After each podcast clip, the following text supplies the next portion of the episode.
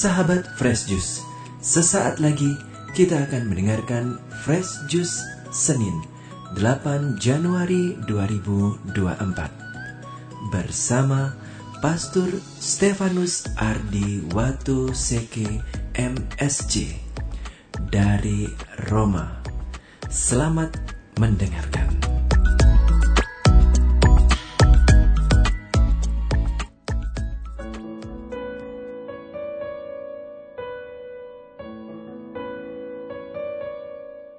Bapak Ibu, saudara-saudari yang terkasih, mari kita mulai renungan kita pada hari ini dengan membaca Injil pada pesta pembaptisan Tuhan hari Senin tanggal 8 Januari tahun 2024. Tuhan sertamu, inilah Injil Yesus Kristus menurut Santo Markus.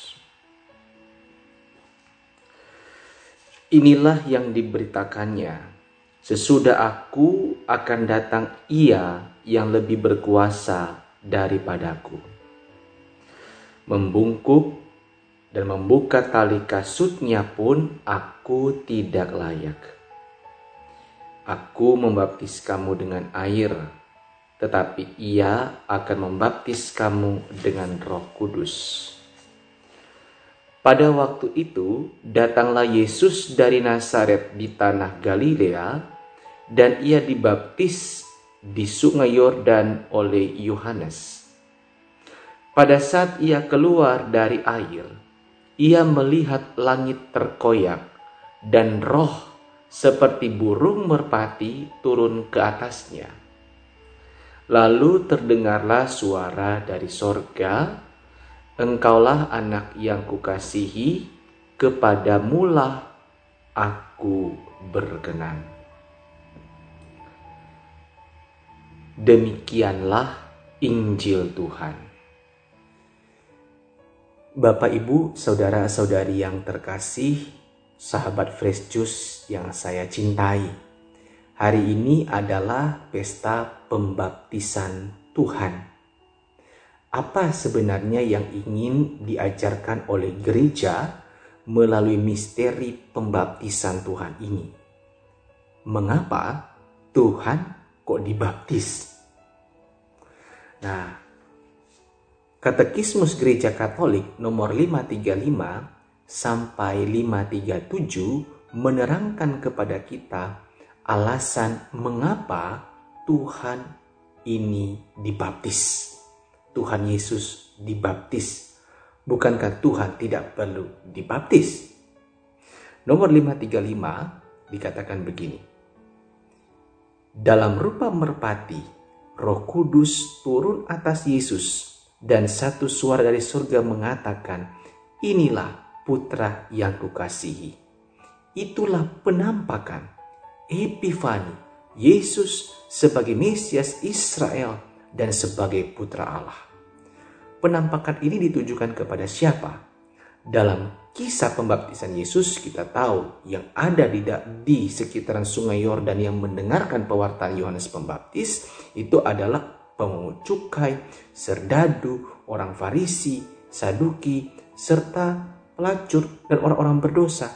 Inilah yang ingin dipanggil dan diselamatkan oleh Tuhan. Dengan kata lain, pada waktu itu di hadapan orang-orang Yahudi, Tuhan sendiri memaklumkan, inilah putranya. Inilah sabdanya. Inilah Mesias Israel. Inilah putranya yang terkasih.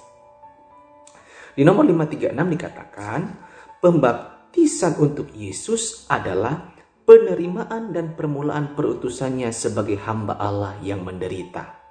Ia memasukkan diri dalam golongan orang berdosa. Jadi inilah dua alasan yang sangat penting untuk kita.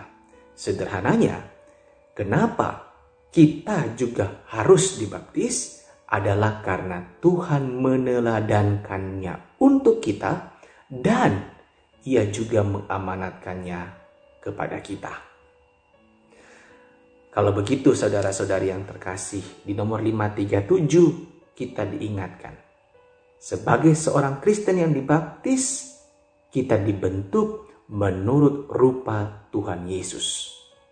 umat Kristen, kita semua diajak untuk ambil bagian dalam misteri pengosongan diri dan bertobat dengan rendah hati. Masuk bersama Yesus ke dalam air supaya keluar lagi bersama dia. Santo Gregorius dari Nazianze menulis, Baiklah kita membiarkan diri dikuburkan bersama Kristus dalam pembaptisan supaya bangkit bersamanya. Ini Bapak Ibu yang ingin diajarkan oleh gereja. Karena itu kita juga percaya bahwa pembaptisan adalah gerbang dari semua rahmat Allah yang lain, gerbang dari semua sakramen yang lain. Mari kita rayakan iman ini. Kita rayakan pembaptisan kita. Karena kita telah hidup sesuai dengan apa yang diteladankan oleh Tuhan dan apa yang telah diamanatkan oleh Tuhan. Kita telah ambil bagian menjadi serupa dengan dia dan semoga kita juga serupa dengan dia di dalam kebangkitan.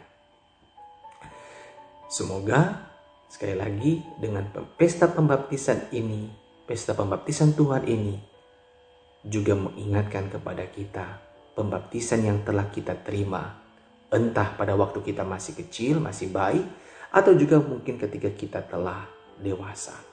Jagalah iman ini, wartakanlah iman ini karena kita telah dimeteraikan di dalam nama Bapa, Putra, dan Roh Kudus.